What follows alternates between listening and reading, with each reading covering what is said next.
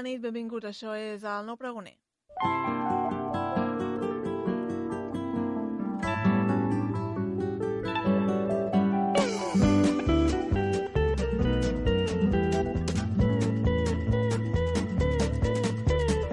El nou pregoner amb Francesc Andrés i Laura Cera.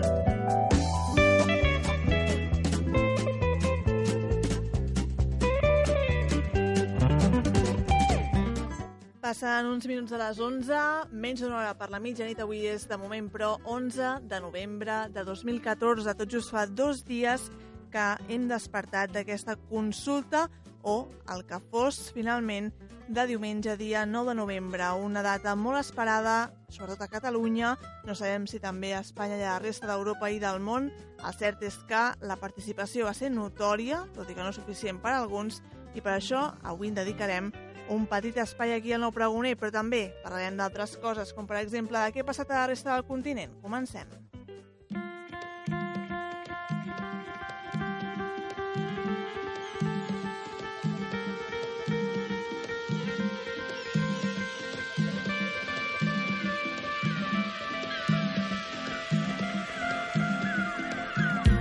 Set mil globus van formar una frontera lluminosa en l'aniversari de la caiguda del mur de Berlín. Durant mitja hora, i malgrat el fred, van ser molts els que no es van perdre l'últim acte d'aquesta commemoració. Els primers globus van estar padrinats per figures de l'època de la caiguda del mur, com l'expresident polonès Lech Walesa, líder del sindicat Solidarnosc i l'actual president alemany i també antic activista, activista d'Alemanya oriental Joachim Gauck. Cal destacar especialment l'aparició en aquest escenari també de l'últim líder de la Unió Soviètica, Mikhail Gorbachev, que va ser aclamat en diverses ocasions pel públic al grit Gorbi, Gorbi.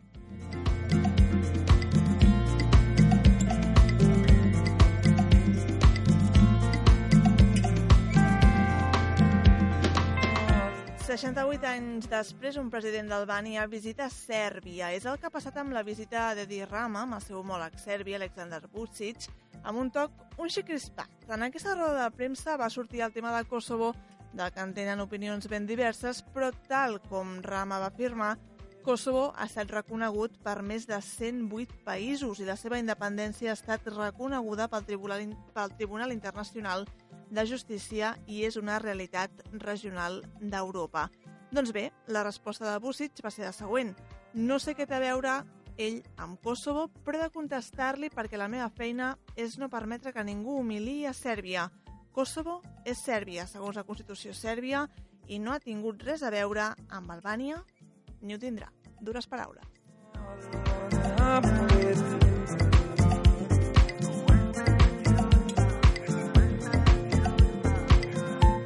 Vuit anys després de l'inici de les obres i després de moltes interrupcions, Roma va inaugurar diumenge el primer tram de la seva tercera línia de metro, que travessarà el centre històric. Això sí, la conclusió no es preveu per abans del 2020. Segons va anunciar l'empresa del transport públic de Roma Capitale, des d'ara estarà operatiu el primer tram, que uneix les estacions de Monte Compatri, Pantaparco di Centocelle, que és al sud-oest, perifèric de la capital. Aquest traçat sota la via Casilina està compost per 15 estacions distribuïdes per un total de 12,5 quilòmetres, dels quals 8,2 transcorren per la superfície.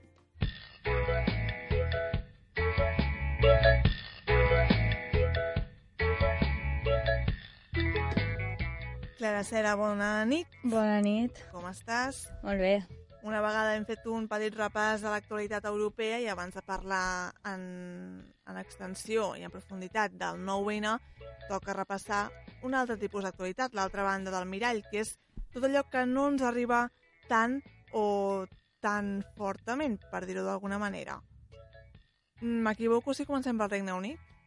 Uh, Digues que sí, que s'equivoca. Se- T'equivoques una mica perquè començarem repassant dos temes de la setmana passada que van quedar pendents, però quan comencem amb els d'aquesta setmana sí que començarem pel Regne Unit. En tot cas, Laura, t'equivoques.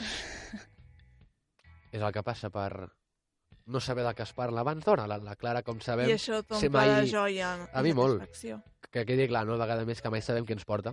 Per això que t'equivoquis o tinguis possibilitats d'equivocar-te. Què portes Perquè no- al, al canell, Francesc? És que m'he fet mal.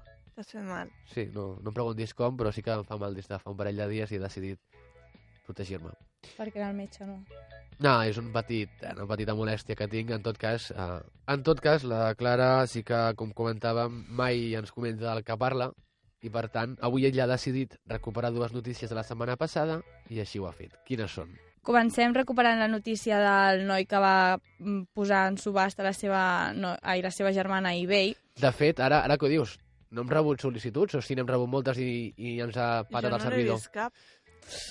Clara, em sap greu. Potser l'error ha estat no penjar una fotografia teva. Segurament haurà sigut aquest l'error. El germà ho havia fet. Ho havia fet, sí, sí. Laura, Aquí, aquí, he fallat, aquí has fallat, fallat, tu. em sap greu. Has fallat tu. Pèssima logística. Què ha passat amb aquests dos? Doncs mm, Ha sorgit l'amor. no sabem què va passar perquè ho he buscat, però no he trobat res. No sabem què va passar. Llàstima. Com a mínim, ho ha buscat. Ho he buscat, ho he buscat. això, Vam quedar què ho buscaria, doncs... Ah, mm, val, o sigui, ho hem recuperat per dir que ho has buscat però que no has trobat res. Sí, perquè vam quedar que ho comentaríem la setmana que ve. Pels sa- deures, molt bé. I segurament si hi hagués trobat l'amor, hauria estat notícia. És possible. Amb la qual cosa podem deduir, que no atribuir, però sí deduir que no n'hi ha hagut més notícies perquè no, no se n'han produït. Des d'aquí mantenim la crida per la Clara. No? Torna-la a fer si algú s'incorpora de nou. Tampoc cal, eh? O sigui... No? Doncs no. Doncs res, eh, seguim endavant amb la segona notícia recuperada, Si volen que escoltin el programa de la setmana passada. que el poden trobar a iocs.com o a les nostres xarxes socials. Molt bé, Clara.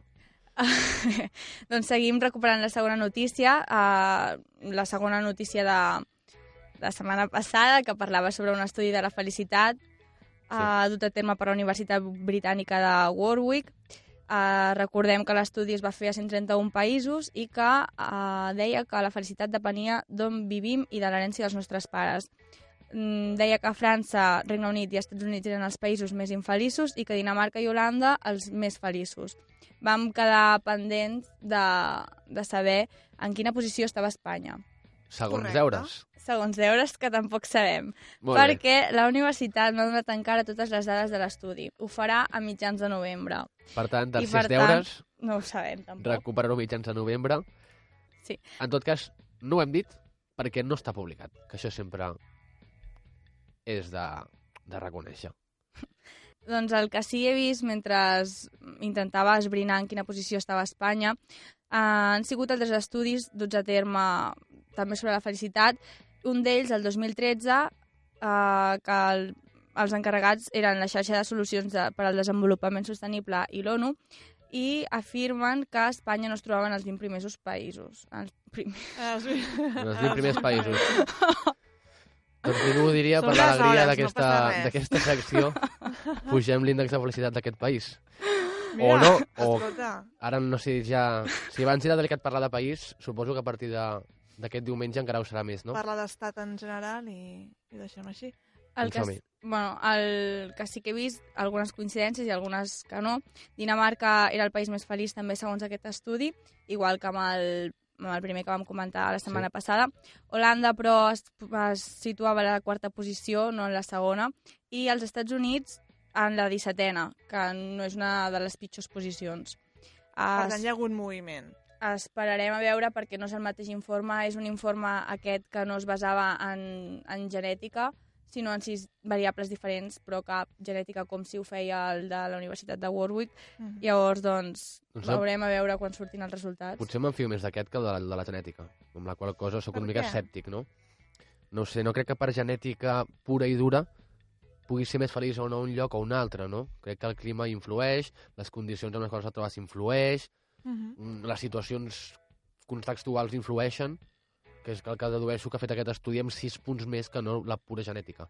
Però vaja, això són opcions i, i gustos, eh? Fet aquest repàs a les notícies de la setmana passada que havíem deixat mig penjades, Toca Regne Unit. toca Regne Unit. Ara Tot sí, Laura, del nit.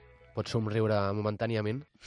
Doncs bé, dijous passat, de matinada, un home de 34 anys va morir a trets a mans de la policia de Gales eh, del sud quan va ser descobert menjant-se la cara d'una jove de 22 anys, de 22 anys que ja havia mort a causa de les ferides. Els fets van ocórrer en un petit hotel de la ciutat d'Argoet, com es pronuncia, ho sento molt, i possiblement per culpa dels efectes de la cocaïna en l'home. Segons diuen, la parella s'acabava de conèixer i es van dirigir a l'hotel on s'allotjava l'home per fer una copa. Va ser el mateix personal de l'hotel qui va avisar la policia després de que trenquessin una porta i bé, dir que l'home feia només dues setmanes que havia sortit de la presó, on s'havia passat dos anys d'una pena de cinc imposada per un atac violent contra la seva parella. De canibalisme, també. No crec que fos de canibalisme, seria de viol violència de gènere. Jo ja l'havia escoltada, aquesta notícia, no amb amplitud, i si us ho he de reconèixer, el primer que vaig pensar és si enganxes algú menjant-se algú altre, com te'l trobes? Forquilla canivet, i no és una broma, eh? Que, con, con, és el que em vaig imaginar. Amoss a mossegades. No, perquè hem trobat molts casos de gent que realment tallava els cossos, els posava a la nevera, al congelador i, i, i per part s'ho menjava. És una cosa que a mi em va xocar molt perquè sóc bastant incapaç de, de, de contextualitzar aquest, aquest, aquest cas, no? Realment com una persona és capaç de menjar-se una altra amb sang freda Mm. i, i fins a quin punt arriba a normalitzar la Però situació. Això és un problema. De fet, tu ho deies, Clara, segurament era conseqüència d'haver pres cocaïna en aquest cas, no? Sí. En tot cas, sempre afecta de forma diferent i potser tu fas amb, no? Un Cuidado, sentir clar, molt més compte, salvatge no i l'altre és- Persona... I és, el, és el, el que a mi em va arribar mentalment quan vaig saber que, que havia passat això i realment és, és, és desastrós. L'escena deu ser esgarrifo... No crec, esgarrifosa, no crec que la, que la oblidis fàcilment, la veritat. Home, a mi em costa d'entendre que algú pugui ser capaç de fer això, però bé, hi ha gent per tot i cada dia... Mira que se'n mengen d'altres. la vida és així. Això va a gust. Que... No, home... A gust dia no, hi ha Pobra noia, pobra noia. No, sí, sí. Realment un final, un final molt dur, que se t'acabin menjant i, i més a, a un país civilitzat, com és el Regne Unit i com és No Gales. deixa tenir el seu punt còmic, amb tots els respectes cap Sempre a s'ha fet humor negre noia, d'aquestes eh? coses, és, és Però, evident. Ostres. Seguim, perquè amb una notícia que la podríem relacionar. Uh, si voleu saber quin gust té la carn, Sí, de, de, de debò has relacionat aquestes dues notícies? la carn humana, Perquè això té el, el No, punt no. negre que buscàvem, eh? que, que té relació. Home, insisteixes tant en que et porti notícies del Regne Unit que alguna cosa li ha d'enganxar, la noia. També és del Regne Unit, la notícia. Veus? No, no em pronunciaré. Quin gust té la carn humana? Perdona. Si voleu saber-ho, uh, No ho proveu, per favor. sense menjar-vos a ningú, esteu de sort. Perquè en James Tomlinson, un xef anglès, assegura que ha creat la primera hamburguesa amb gust de carn humana. No sé qui li Ah. pot atraure això, perquè Eh, Jo t'ho dic, clar, el senyor d'abans s'hagués estalviat un problema. és una Però- cosa... està mort, aquell senyor, no? Sí, sí, sí, sí. Ah, val, val. El van matar. S'hagués estalviat un problema. Val. No, Passat. no, no, és que ara pensava que no... Que no fos cas que ara se'l trobin aquí, no, Val. al búrguer. En, en qualsevol cas, uh, jo no menjaré aquesta hamburguesa. Jo tampoc. Mm, jo tampoc, però doncs ja està, tot, tot, tot, tot aclarit, podem seguir avançant. aquest xef, després de molta investigació i sense haver provat la carn humana personalment, eh, va topar amb la recepta que, segons afirmen una sèrie de caníbals entrevistats, reprodueix molt bé el seu gust de la nostra carn. Si la voleu provar, preneu nota dels ingredients per sis persones. Segur, segur que ho vols dir, això? Seguríssim. Són 400 grams de carn de porc molta, 400 grams de carn de vedella molta, 200 grams de mèdula, medula òssia i sal i pebre al gust. Seguim avançant perquè crec que ens, que ens quedaríem sí, sí. aquí mitja hora pensant i, i, i, i tenint una mica de... Sí, L'última notícia, d'Alemanya. Bé. Va tenir lloc fa 15 dies a Darmstadt, Darmstadt. sí, quan bé. una farmàcia va ser atracada per una dona. La curiositat és que no va, no va fer no va fer amb una pistola, sinó disparant llet materna dels seus No, pits. mare de Déu. El fet va anar de la següent manera. La dona va entrar a la farmàcia i va fer una compra de 20 euros que va pagar amb un bitllet de 200. Quan li tornaven el canvi, es va descordar la camisa. És, perdó, és que és molt... Surrealista. Sí. I va començar a disparar llet al farmacèutic. Au, va, per favor. Això, això Seguidament- per què ho fa? Joc eròtic. Va apropar-se... Eròtic ho serà per tu, perquè a mi em fa fàstic, la veritat. Crec que no tenia res d'eròtic. Però després de ruixar el primer farmacèutic va desplaçar-se a un altre taulell eh, repetint l'acció. Tot això eh, per robar 100 euros de la caixa. No sé, la policia assegura que aquest crim és extraordinari i que mai s'havien ocupat d'una cosa així abans. Oh, extraordinari, segur. I que mai se n'havien ocupat abans, tampoc que... No, dubto molt. És, és, aquesta encara és pitjor que l'altra, jo diria, eh? No, no per la seva crueltat, però sí per la seva... Aquesta no me l'hauria pogut imaginar, vaja. Que has quedat, has quedat, quedat, sí, sí. He quedat molt corprès i, i molt l'esma perdut, també. Doncs això és tot. Això és tot. Doncs això és tot. Amics. Aquí ens deixa, saps? I se'n va. Aquí estaré a casa esperant les vostres sol·licituds. Oh, mira, veus com ja va més llançadeta? Veig que l'has educat durant aquesta setmana perquè es prengui d'una altra manera. No, però sí que t'he de dir que ens ha fet certa il·lusió, uh, ha fet molta il·lusió, un comentari, i ara em permeto la, lli- la llicència completament, eh? i em tiro de cap a la piscina, d'un familiar del nostre avi, que ens va sentir l'altre dia uh, per la ràdio, quan estava al llit, i, en, i ens va comentar, i no sé, a mi em va fer especial il·lusió. Què va comentar? Perquè no ho has explicat. La notícia no l'has dit. Ah, molt bé. Que estava molt bé el programa, que ho feien molt bé. Sobretot aquest noi que es diu... Això no té res a veure amb, No, no, no. amb que siguem família, és un home totalment... objectiu, Sí. sí. imparcial... No, no, no, ara de debò. Mm, Queda molt cursi, però ens ha fet molta il·lusió que, que per casualitat ens sentís el nostre avi. Hola, I avi, tant- saludem, que ens sé que ens estàs escoltant. Això que és una mica, una mica més de, de premsa rosa, Una però mica de més Lady que Gaga, que també va estar a Barcelona, un no? record al nostre avi. Ben fet. T'estimem. Aquesta és la secció de la Clara Cera. A la iaia Ella també, que segur que també s'escolta. No fos cas que algú s'enfadi. Clara Cera, moltes gràcies. A vosaltres. Sisplau, la setmana que ve no portis res més al Regne Unit. Mm, difícil. Les notícies venen d'on venen i arriben com arriben, Laura. Ho hauries de saber, a aquestes alçades de la pel·lícula. Bona setmana. Per cert, prèvia, una mica de prèvia d'aquest divendres. Un concert de James Blunt a, a, A Barcelona. Barcelona. Estarem molt atents, molt atentes. Tu no Potser crec, el, la setmana que ve hi ha alguna sorpresa. Ja ho veurem. Aquí ho deixem. Clara Cera. Merci. Adeu.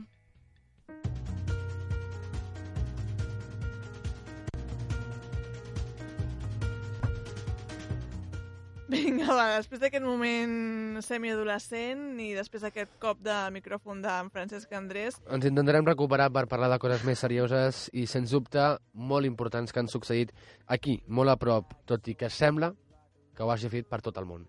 doncs sí, vinga, va, una mica de to més, més seriot per parlar del que passava el diumenge, dia 9 de novembre, aquí a Catalunya. Hi havia una consulta prevista, una consulta doblement vetada, doblement impugnada i suspesa. Més que consulta, hauríem de parlar de procés participatiu, que és com finalment es va, es va acabar de detallar. Hem passat de possible referèndum a consulta, a procés participatiu. Res que no haguem dit aquí. De fet, Laura, consideràs que n'hem anat explicant coses, però no amb el ple detall que ho han fet altres, altres mitjans de comunicació, perquè precisament el que volem aquí sempre és portar coses diferents, i com que hem, hem cregut que ja se n'explicaven moltes coses, avui sí és el dia de parlar-ne, però tothom sap el que ha passat i d'on venim. Per tant, aquí en aquest cas ens ho hem entenem ben conegut. Sí, en efecte, és inevitable repassar una mica com va acabar tot plegat. És cert que les xifres no seran del tot definitives fins d'aquí a uns 15 dies aproximadament, quan tothom qui vulgui haurà pogut anar a votar, perquè recordem que hi ha aquest marge temporal. Que s'ha d'anar a, la, a la delegació del govern, crec, Uh -huh. que hi ha a Barcelona. Crec que s'hi han de comptar encara els vots de, de tot el món, que jo diria que a, a, a, a d'ara, avui encara no estan comptabilitzats. El que tenim comptabilitzats són el 100% de la mesa avaluades, en les quals s'hi compta la gent que va votar, més els voluntaris, que són els últims que s'hi van afegir. Per tant, com comentes, falten gent de fora, que per exemple a Brussel·les crec que van ser uns 2.200, uns 1.900, ara parlo a memòria, eh? potser m'equivoco amb xifres, però crec que van ser uns 1.900 a, a Austràlia, a Sydney, en aquest cas. Per tant, queden bastants vots a recomptabilitzar, que podrien arrodonir molt la xifra. Tot i així està força arrodonida. El cert és que si bé diumenge anàvem a dormir sabent que aproximadament eh, 2.250.000 persones havien votat durant aquella jornada participativa, l'endemà, és a dir, ahir dilluns, se'ns donava una xifra més definitiva encara, és a dir, amb aquest escrutini del 100% de les meses avaluades, que era de 2.305.290 persones. Són un 80,76% de sí, sí. Un, un 10,07% de sí, no. Un sí i en blanc en la segona un 9,7%, que no deixa de sorprendre perquè era una opció no contemplada inicialment i que s'ha dut a terme com a tercera votació més, més escollida. Després tenim el no, ras i curt, amb el 4,54%, en blanc un 5,6% i d'altres, que vés a saber què s'engloba, és un 3,09%. Hi ha diferents, eh, com comentava la Laura, la, la, diferents preguntes. La primera de totes ja era vol que Catalunya esdevingui un estat? Sí, no, en blanc, no hi havia més opcions. Guanya amb 92% el sí, molt significatiu. I, en canvi, en la segona pregunta, que només opten els que voten que sí, en el cas afirmatiu, vol que aquest estat sigui independent, un 88% que sí, un 11, 11% amb sí no, i com comentem, eh, aquest 1% del sí en blanc. Mm, No és no, no és sí, no acaba de saber-se què és. Més enllà d'aquests resultats i de tot el que encara ha d'arribar, el que sí que podem recordar és com va reaccionar el govern català. Per exemple, tant el president Artur Mas com la vicepresidenta Joana Ortega es van voler fixar en com s'havia desenvolupat aquesta jornada, tot aquest diumenge pacífic, cívic i organitzatiu, i el que van coincidir va ser en titllar tot el procés en si d'èxit total. Èxit total que a la resta de l'estat espanyol no s'ha volgut reconèixer. Doncs per diverses coses. Primer de tot, perquè recordem que era una feta, una realitat suspesa, aparentment, pel Tribunal Constitucional. I segon, perquè molts no han considerat que dos milions, és a dir, aproximadament un terç dels possibles votants, sigui suficient com per considerar un èxit rotund aquesta jornada. De fet, per exemple, la portada de la Razón d'ahir dilluns, una de les coses que destacava era solo un tercio han votado. Clar, diferents visions, diferents maneres de veure-ho, si és només un terç, si són dos milions, jo crec que acabaran sent els 2.500.000 persones, com comento, amb els vots que encara falten. És molta gent la que va sortir al carrer. I més enllà de si la votació era legal o il·legal, més enllà si és vàlida o no és vàlida, que aquí podríem tenir diferents opinions, jo crec que una votació simbòlica, no legal, té la seva validesa simbòlica, perquè a vegades, i això és una cosa que va sortir molt el diumenge amb diferents persones, ja ens agradaria tenir dos milions de persones o aquest tant percentatge de, de, de votació quan parlem d'eleccions municipals, eleccions estatals, eleccions autonòmiques, i malauradament no és el cas. Per tant, mm, simbolisme n'hi ha moltíssim, de gent que va votar molta, i a Mataró crec que a la memòria són unes 33.000 persones les que van anar Gairebé. a votar. També faltaven el 100% de l'escrutini, que acabava de- s'havia d'acabar de confirmar. En tot cas, volíem fer aquesta remarcació, eh, volíem expressar el que va passar, perquè és prou significatiu, prou important, i en clau europea ara ens hi endinsarem, però hi havia més de 150 mitjans acreditats de tot el món, gent, evidentment, del Canadà, del Quebec, per la relació directa, la vinculació directa, gent, per exemple, de Suècia, que deia que li interessaven molt les minories europees i, per tant, venien, curiós, no en tenien pas constància, i gent vinguda del Japó, que els- interessava moltíssim el cas català, des de Japó expressament, importància n'ha tingut, i, i renom mun- mundial també. Sí, com sigui, no només ha vingut gent de fora a veure com es desenvolupava tot plegat, sinó que també hi ha molta gent d'aquí que ho ha viscut des de fora. És el cas de l'Anna Ortiz. Aquí tenim, com sempre, Anant. Bona nit, Anna. Bona nit, Laura. Com estàs? Molt bé, i vosaltres? Bé, comentàvem, suposo que ho has pogut sentir ara cap al final, com es va dur a terme aquest 9-N, com es va viure en el teu cas des de França, com se'n va parlar i des de quin punt de vista? Doncs a París hi han anat més votants dels que s'esperaven, un miler de persones. El coordinador Martí Anglada ha fet unes declaracions dient que va haver de dir que no a força gent perquè no complien els requisits necessaris per, per participar en el procés. Un dels que s'hi ha pogut expressar-se ha estat el president de la Casa del Tibet de Barcelona, que era a París per feina. L'altre punt de França on es podia votar és a Perpinyà, on van votar 480 persones. Així doncs, en total a França hi ha hagut uns 1.500 vots. A Nantes existeix un casal català, del que us en parlaré bé un dia. Alguns dels integrants d'aquest casal català de Nantes van omplir un cotxe per poder anar a votar a París, Jo, malauradament, no hi vaig poder anar per diners. M'hagués molt agradat eh, anar a votar pel futur de Catalunya, però les reiterades denúncies amb el Tribunal Constitucional, que ara sí podeu votar, que ara no, em van fer no agafar els bitllets amb antelació i no vaig poder assistir a aquesta diada històrica. Perquè, clar, una cosa és que des d'aquí, eh, sigui o no sigui legal, i vulguem anar al costat de casa, encara que sigui els que volien a fer pressió. El teu cas sí. era potser anar a París per res. Sí, jo, sincerament, és una cosa que, que m'ha sapigut molt greu perquè, sincerament, crec que el, el 9-N sí que és una cosa històrica i m'hagués agradat molt participar-hi. Però jo ho he anat seguint molt des d'aquí perquè, evidentment, sóc catalana i és una cosa que m'interessa, però, clar, tot el rato anaven dient podeu votar, no podeu votar... Al principi ens havien dit que era el consulat espanyol de París, que vaig dir anirem allà i ens diran que no és legal i no podem votar. Després va ser, eh, bueno, ha sigut la delegació de la Generalitat a París, per, per això han pogut votar, però, bueno, no sé, com que era tot no molt clar, eh, de Nantes a París hi ha 4 hores i si agafes un tren d'un dia per l'altre és car i és una cosa que potser... Hi ha 1.500 vots, però potser n'hi haguessin hagut molts més si la cosa hagués estat mal clara, jo crec. Anna, com s'ha viscut aquesta estira i arronsa a França? Se n'ha parlat? Doncs mira, una cosa de la que estic molt orgullosa, almenys, sigui legal o no el referèndum, és que a mi, cada cop que dic que sóc de Barcelona, tothom em pregunta per la independència. O sigui que jo almenys estic molt contenta perquè a França la gent coneix el procés, coneix tot el que ha passat i, i estic orgullosa d'això. Almenys, no sé per què servirà aquest referèndum, espero que serveixi per alguna cosa, però almenys ara els francesos estan estan en el tema, saben què passa i cada cop és això. Aquí tinc amigues que són de Madrid, de Zamora i no els hi treuen la pregunta, però a mi sempre me la treuen i m'agrada, perquè així els hi puc explicar com a catalana quina visió tinc i, i sí que hi ha hagut ressò perquè és que, és que és, cada cop que surto, és igual surts a fer una cervesa o alguna cosa, dius Barcelona i tothom em fa la pregunta, tothom. Per tant, ara ho comentàvem, eh, és una redundància. Sí que ha tingut una significació aquesta votació i més, en el teu cas, ja no parlem de de França políticament parlant. No és cap institució, no és cap uh, entitat del govern. Ets tu, com a persona individual, que vas a una població com Nantes i la gent del carrer li interessa el tema. Estem... Són paraules molt majúscules.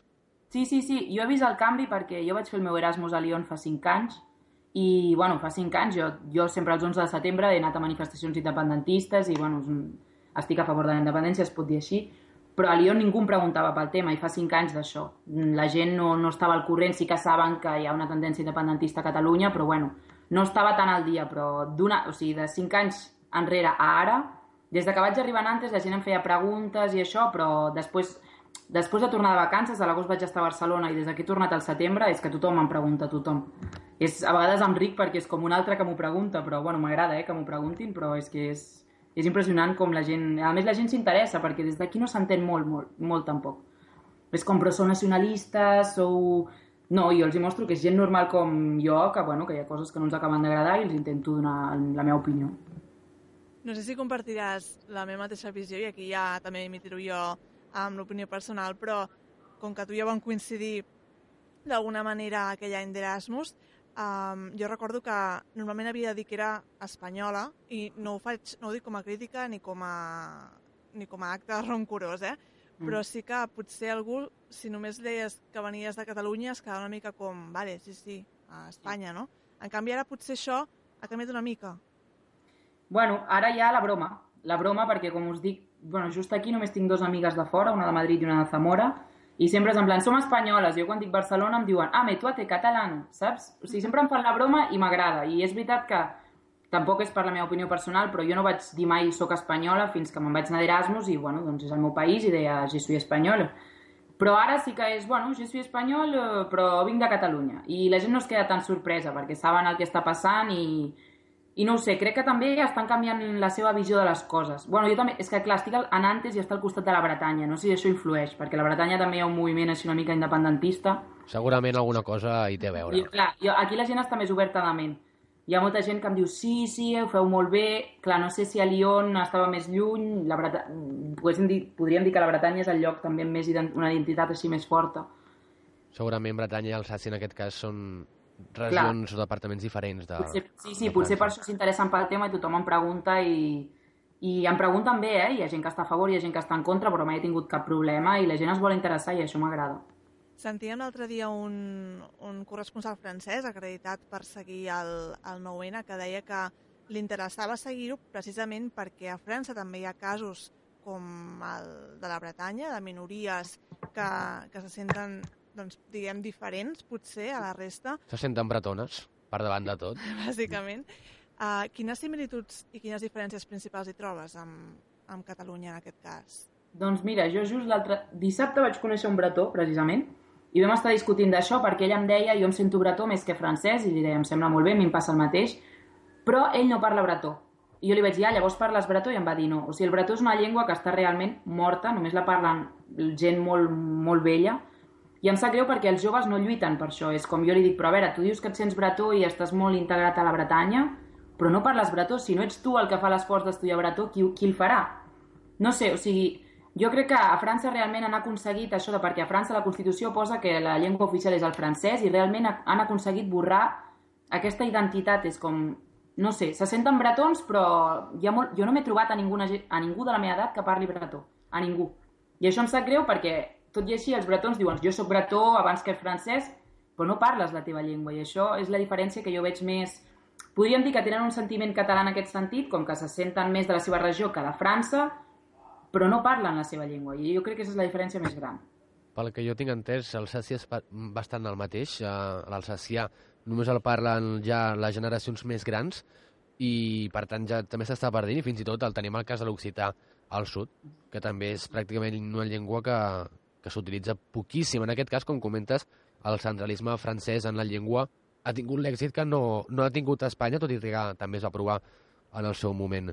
No sé si hi ha alguna cosa més que vulguis explicar-nos sobre el 9 exclusivament des de França. Doncs, a, mi això del cas de la Bretanya és una cosa que encara em fa més ganes de lluitar per Catalunya, perquè veig que des del governament espanyol, el, el, des del govern espanyol, perdó, tinc el francès al cap a vegades, um, um, el que estan intentant és que estudiem menys català a les escoles i, i això em dóna més ganes de lluitar, perquè veig que és el que van fer a la Bretanya i a la Bretanya ho han aconseguit, o sigui, ningú parla bretó. I és el que em dóna més ganes de lluitar perquè dic, no vull que si jo tinc fills no puguin estudiar en català, per exemple. I és una de les coses per les quals estem, bueno, ens estem batent i crec que és... No sé, viure a la Bretanya encara em dóna més ganes de, de, de que es faci el 9-N i a veure què surt de tot això. Parlem de França, veurem si això que ha passat a Catalunya té alguna repercussió o no. El que sí que fem, Anna, no et moguis d'on ets, és canviar de tema i ara sí, parlar exclusivament del país veí.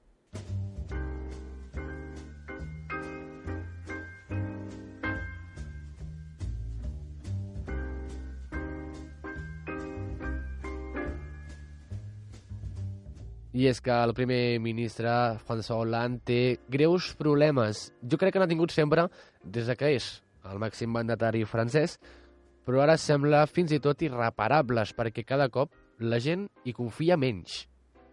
Doncs sí, com bé dius, eh, bueno, François Hollande sembla que cada cop té menys seguidors a França, tothom coneix el seu nom i segurament també el de Manuel Valls pel seu origen català. El que no sap tothom és que aquest president i el seu govern està perdent cada cop menys suport a França i la seva popularitat va caient a poc a poc. L'últim fet que demostra aquest descens de popularitat és la seva aparició dijous passat a una emissió de TF1 titulada En, en directe avec les Français, que vol dir en directe amb els francesos. En aquesta missió, François Hollande va prometre no augmentar els impostos de 2015 a 2017, que és quan hi haurà les noves presidencials a França.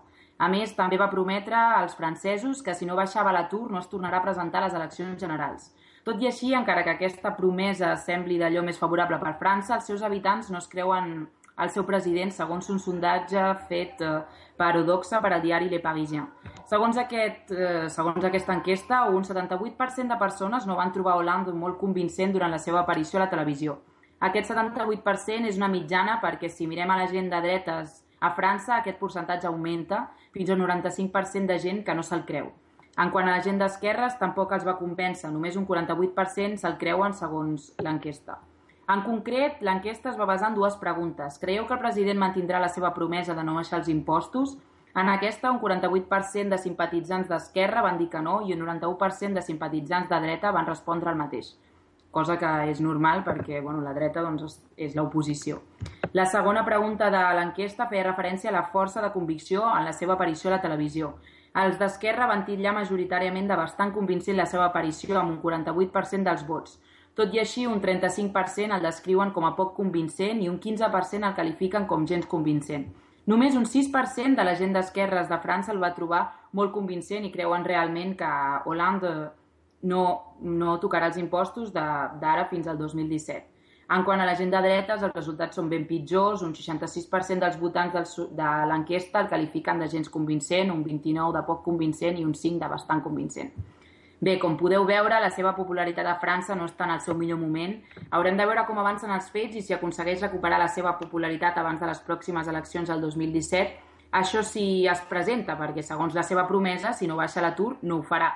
A més, segons una enquesta també realitzada pel diari L'Exprès, 8 francesos de 10 estan en contra d'una altra candidatura de François Hollande a les pròximes eleccions, el que fa un total de 85% de francesos que no volen repetir l'experiència de tenir-lo com a president de la República en el fet que hi hagi una figura al costat d'Holand com la de Manuel Valls, una figura més amb caràcter, potser més contundent, això també afecta la seva popularitat? Jo crec que sí, de fet, eh, bueno, els meus amics francesos sempre em comenten Manuel Valls, en teoria, hauria de ser d'esquerres, perquè, bueno, perquè està governant amb François Hollande, però a vegades té una mica de comportament una mica Sarkozy, podríem dir. No sé, té alguns punts que no acaben de ser clars. I és veritat que des de que Manuel Valls està compartint presidència, podríem dir, eh, es parla més d'ell que d'Holanda i cada cop que es parla d'Holanda és per dir que perd popularitat. Donc, així que jo crec que sí, que, que la seva imatge el perjudica. Realment el Front Nacional i, i Marine Le Pen ha fet ha, fet, ha, ha marcat un, un abans i un després a la política francesa. Si no, segurament avui dia no hi hauria Manel Valls uh, on està. La pregunta és, és una porta oberta tot plegat per Sarkozy? Sincerament, sí, crec. Vull dir, ho dic com a opinió personal, però mira, just avui estava mirant també les notícies de TF i surt Sarkozy. És que em dóna la sensació que, que, que últimament només es parla d'ell i dius, és que no és el president de la república. Just avui ho parlava amb, amb visc amb dos francesos, de que dic, és que el nostre antic president, Zapatero, sincerament jo no sé què està fent, perquè és que no ho sé, perquè no surt mai a la televisió. I, I a Sarkozy és totalment al contrari. Sarkozy sabem tota l'estona el que està fent, que si acabarà tornar a presentar, que si no, però falten 3 anys per les eleccions i no para de parlar-se d'ell. O sigui que, que sí, sí, Sarkozy està, encara està present a França. A mi em recorda molt paral·lelisme amb Joan Laporta, que continua apareixent a partir d'ara. És sí, un cas sí. que és al món del futbol no té res a veure, però sí que és expresidents que tenen un carisma bo o dolent, però que el tenen i que se'ns estan fent autocampanya. Veurem sí, sí. què passa, perquè jo també crec que Sarkozy l'anomenarem bastant a partir dels sí, propers mesos. Jo, tam jo també ho penso i, bueno, ell diu i molta gent diu que ell no es tornarà a presentar, però llavors no entenc per què està fent aquesta campanya de comunicació tan forta. No sé per què està, sempre està als mitjans si no es vol tornar a presentar, per tant, jo crec que ens sorprendrem. Ens sorprendrem, segurament. Anna, moltes gràcies per la doble informació d'aquesta nit. De res, amb, avec plaisir. Bona nit. Bona nit.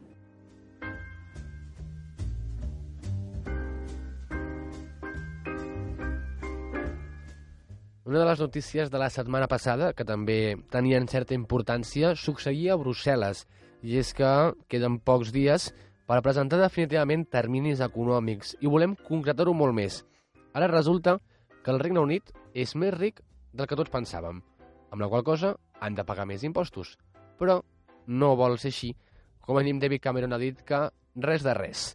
Per parlar d'això i per saber què està passant amb aquests diners, tenim a l'altra banda del fil telefònic en Ricard Blanc. Ricard, bona nit. Hola, bona nit, Francesc. Què està passant amb Cameron que no vol pagar?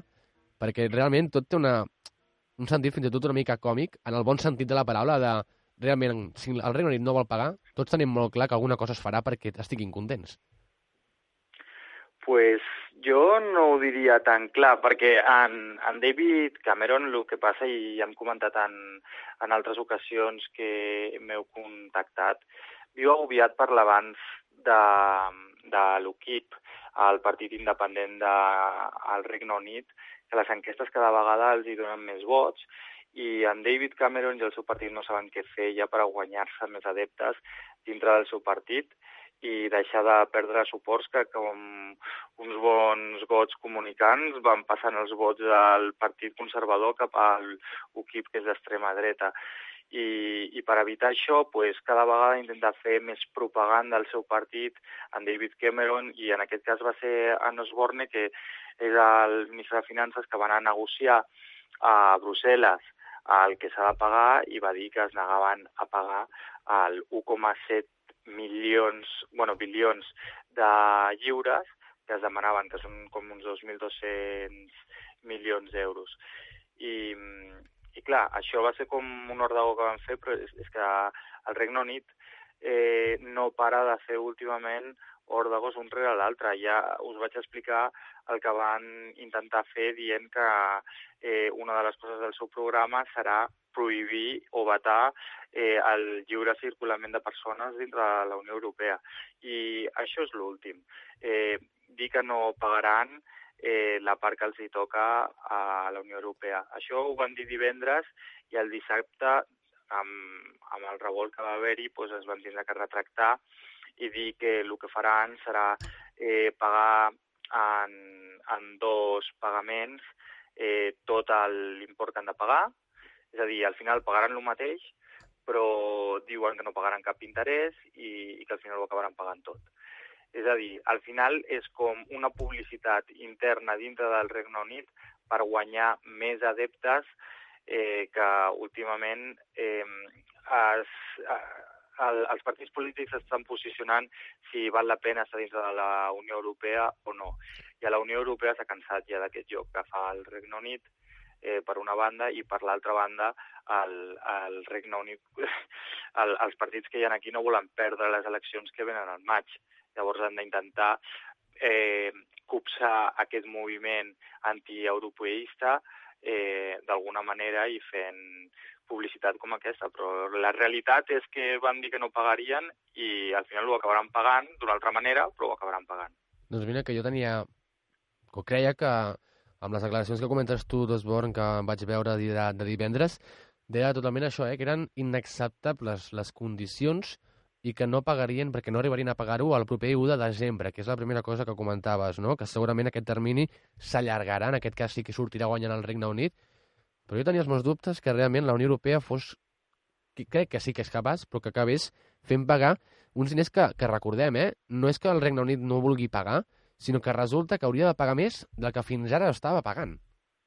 Sí, sí, perquè s'ha demostrat amb, amb informes eh, que el Regne Unit pues, va molt bé i el que passa que és anar contra el capitalisme i el sistema capitalista que ha muntat el Regne Unit. No, no, no, no, no, no pots eh, voler eh, tindre la City de London amb, amb, amb tots els bancs, amb tots els beneficis fiscals i, i després no voler pagar aquests impostos.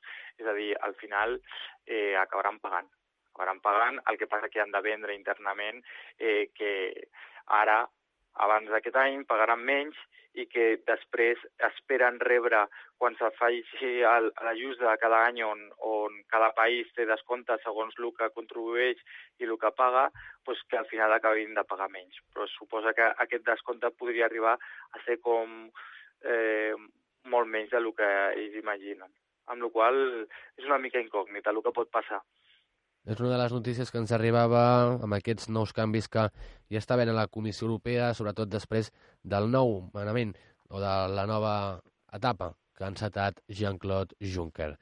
Ricard Blanc, novament, moltes gràcies per tota la informació que prové del Regne Unit. Bona nit. Bona nit.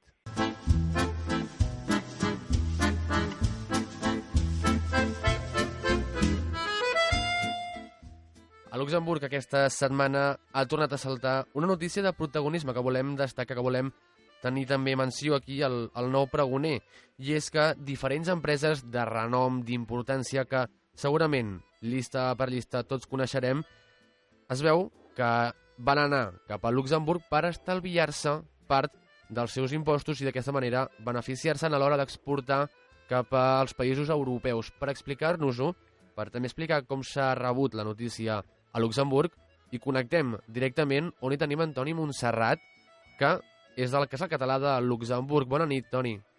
Hola, bona nit. Com s'ha rebut la notícia i explica'ns també una miqueta exactament què és el que ha succeït. Bueno, el que ha succeït és que mitjançant una filtració produïda des de les oficines de l'empresa Pricewaterhouse, que és una de les més importants en tot el que és el tema de l'assessorament fiscal i l'auditoria, doncs es va produir una fuita d'informació. Aquesta fuita d'informació ha estat recollida per un consorci internacional de periodistes que han fet públics doncs, tota una sèrie d'acords fins a un total de 340 que l'administració fiscal luxemburgesa havia establert amb tota una sèrie d'empreses multinacionals molt conegudes.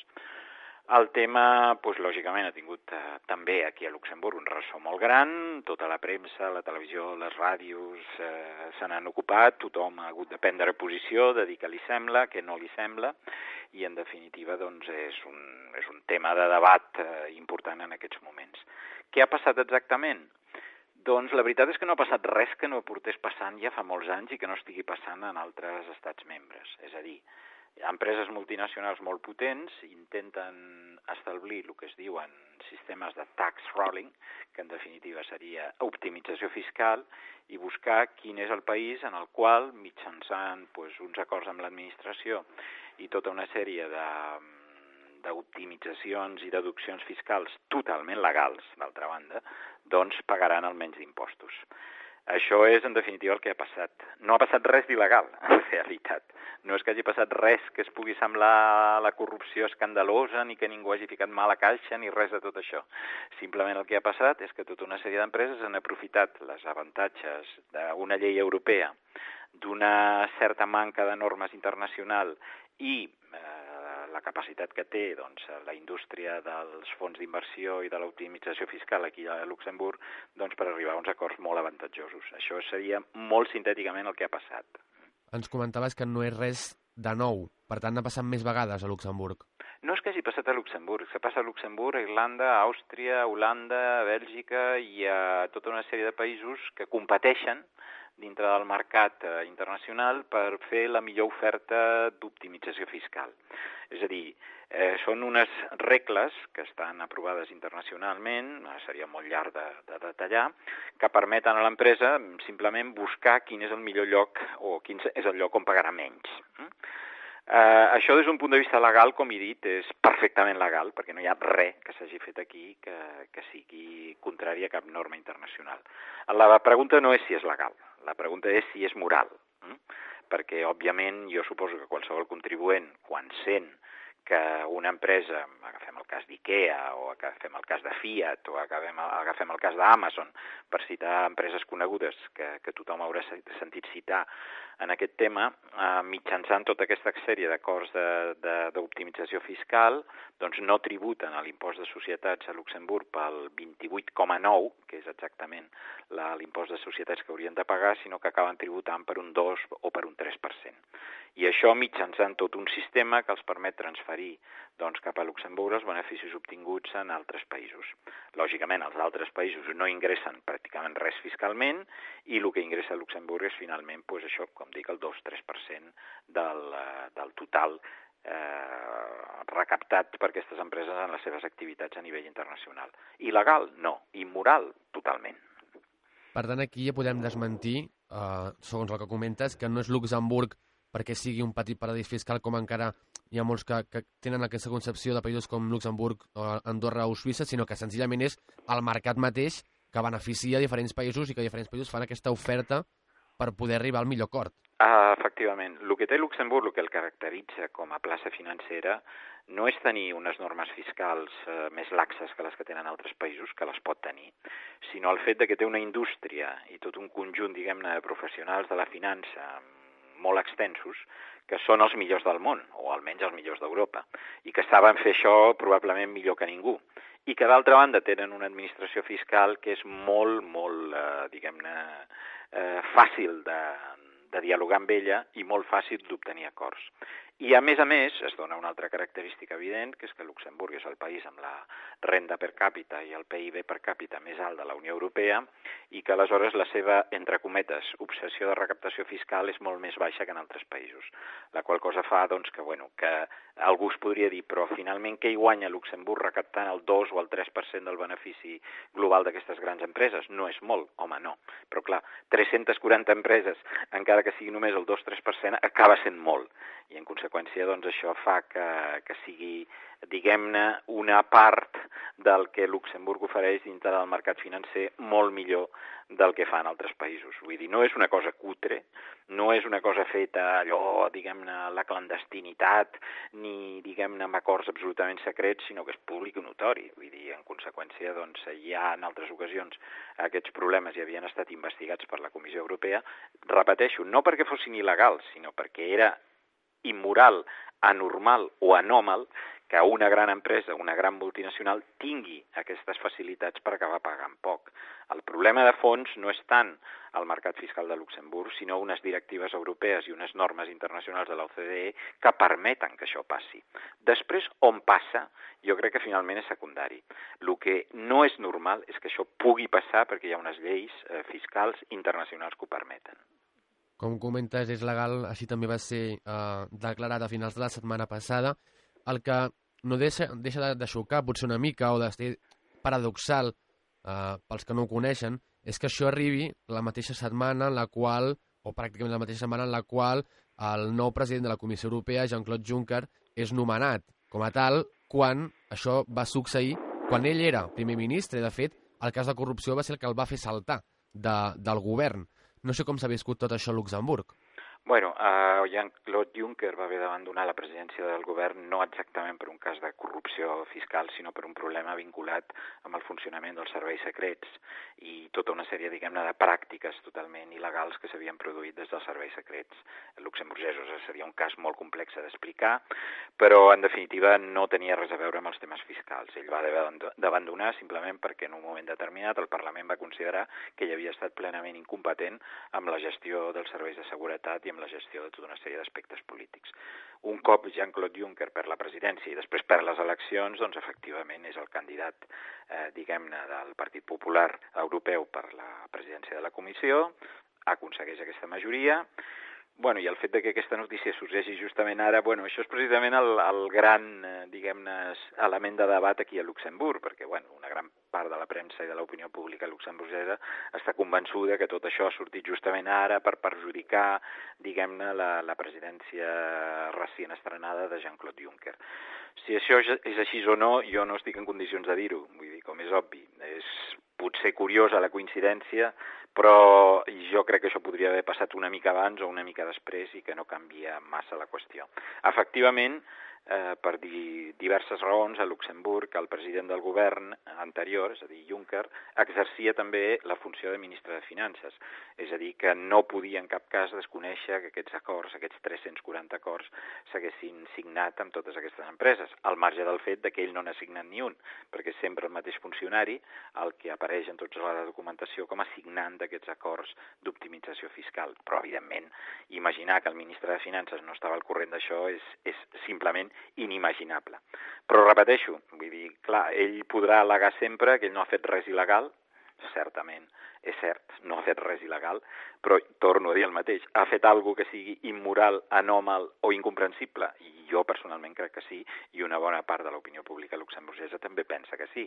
Luxemburg no és un país unànim quan es parla d'aquests temes. És cert que d'una manera molt gran, eh, una gran part de la classe política que es barreja, com a tot arreu, amb la classe financera o amb la classe econòmica, doncs eh, veu bé aquestes pràctiques, les veu amb molta comprensió, però això no vol dir que no hi hagi moltes veus crítiques que tampoc troben normal doncs, eh, que efectivament grans multinacionals com les que he citat i que a Amazon o la que sigui acabin pagant un 2 o un 3% d'impostos per tota la seva activitat internacional.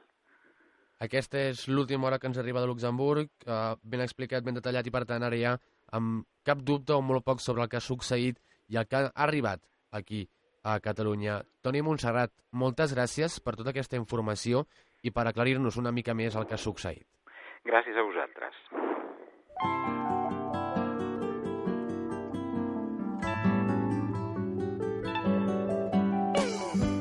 Això ens acomiadem i us emplacem a dimarts que ve per una nova edició del Nou Pregoner. Ja serà el programa número 12 d'aquesta temporada. Veurem què ens separa l'actualitat. Avui molt carregada moltes notícies que realment han xocat a la a l'aparador internacional. Ara sí, no em sortia l'hora. Això sí, com sempre, ens podeu seguir durant tota la setmana a les xarxes socials, a Facebook, a Twitter, o enviar-nos qualsevol petició, suggeriment, proposta, etc etc etc al noupregoner.gmail.com que passeu una bona setmana i un bon cap de setmana. Bona nit. thank you